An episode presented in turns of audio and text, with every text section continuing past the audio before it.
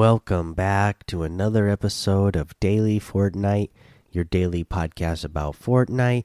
I'm your host, Mikey, aka Mike Daddy, aka Magnificent Mikey.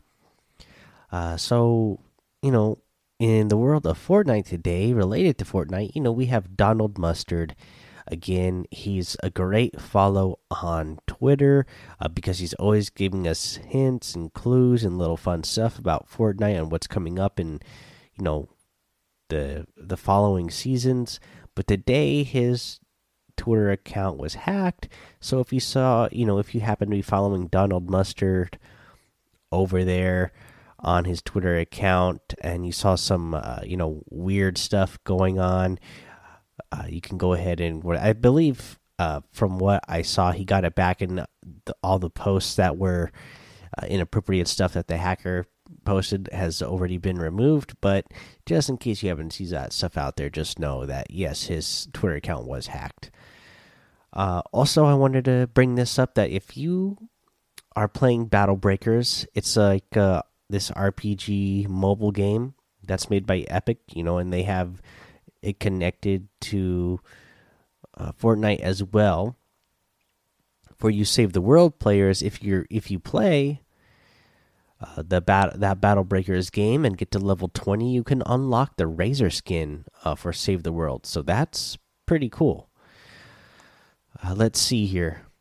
Uh, that's all the real news i got for you right now. Let's go ahead and bring you a challenge tip and i will tell you where to search for the hidden t found in the trick shot loading screen.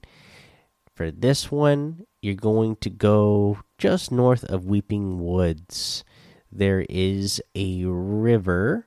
Uh, so if you go north of Weeping Woods, the river there, in about we'll say, I don't know, C five.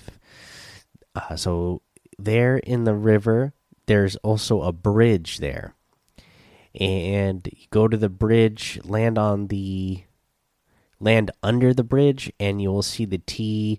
It's uh, you know behind some of the wood platforms uh, underneath the bridge. And that's where you can find that T. I also have a video up on youtube for it that i just uh, posted today. So uh, if you need a visual you know so that you can get a better idea of exactly where it's at uh, go ahead and you know look me over uh, look me up over on youtube mike daddy m m m i k e d a d d y. All right let's go ahead and take a break here. We'll come back. We'll go over that item shop and a tip of the day.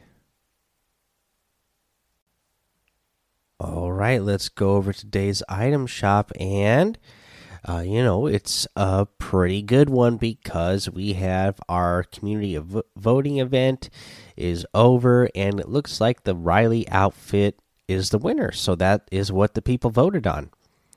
Again, the city is her playground and comes with that ghostly back bling, haunted and flaunted. I myself voted for what was the guy's name? Turns the the woodsy guy. That's who I voted for. For me, you know, this Riley looks a lot like the other. What is it? Waypoint outfit. Uh, you know, so much that I was you know wanting something a little bit more new and unique, but hey, that's what the community wanted, so that's what you get. If your vote, if you voted for it, and that's what you wanted, it's in the item shop for you now. You have the fly trap outfit, the tendril harvesting tool, and the Venus flyer glider. I think it's been a while since I've seen these in the item shop, but you know that's a oldie but goodie. Uh, you get the Moxie outfit, the clobber axe harvesting tool, and the faded cool wrap.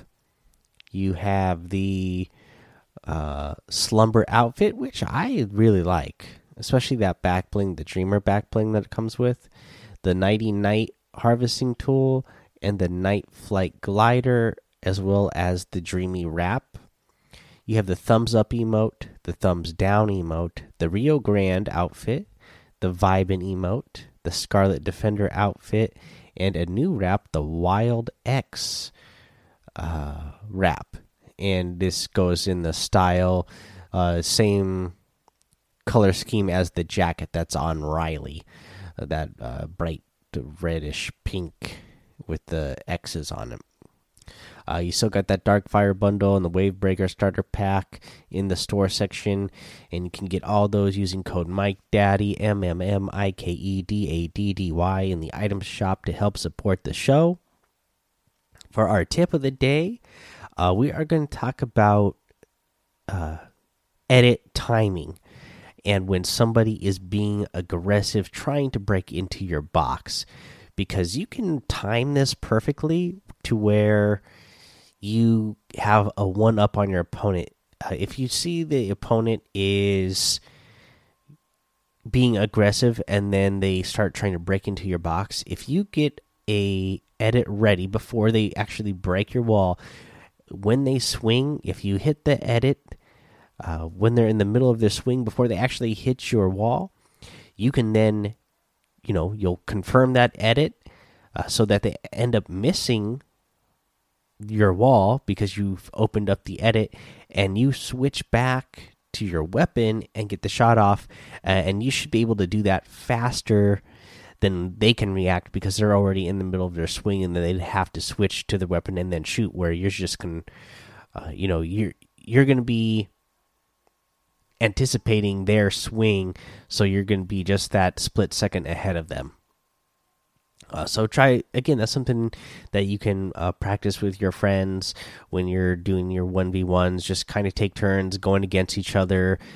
uh, you know, and practice this move where you try to open edit as someone swings at your wall and getting them to miss the wall because you open that edit.